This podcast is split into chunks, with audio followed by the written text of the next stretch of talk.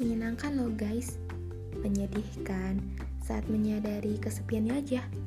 Tapi menurut saya kesepian itu sifatnya sementara. Iya, sementara. Karena habis itu harus bisa bangun dari keterpurukan atas kesepian itu. Oh iya, banyak yang udah jalan tapi masih ngerasa sendiri. Masih banyak cekcoknya. Pusing gak sih? Makanya, bersyukur aja cuy jadi jomblo. Jalanin kesempatan jomblo untuk mengcover diri kamu.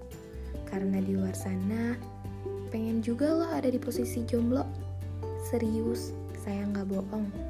Jadi jomblo itu suatu kebebasan untuk diri, juga kesempatan bahagia untuk diri sendiri secara sempurna.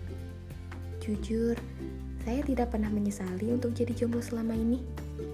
Karena saya bisa menemukan diri saya, maunya apa, maunya gimana.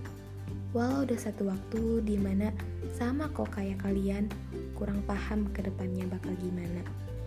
Kalian juga gitu kan, kurang paham aja sama jalan ke depannya. Ya, intinya mengalir aja. Jomblo juga termasuk proses pendewasaan loh, di mana dia bertemu banyak sifat laki-laki atau perempuan yang ia temui, sehingga lebih bisa memahami arti manusia. Banyak kan manfaat jomblo? Jadi jangan memandang perspektif buruknya aja ya, Mbok. Jangan panik karena belum mendapat pasangan kayak teman-teman kalian.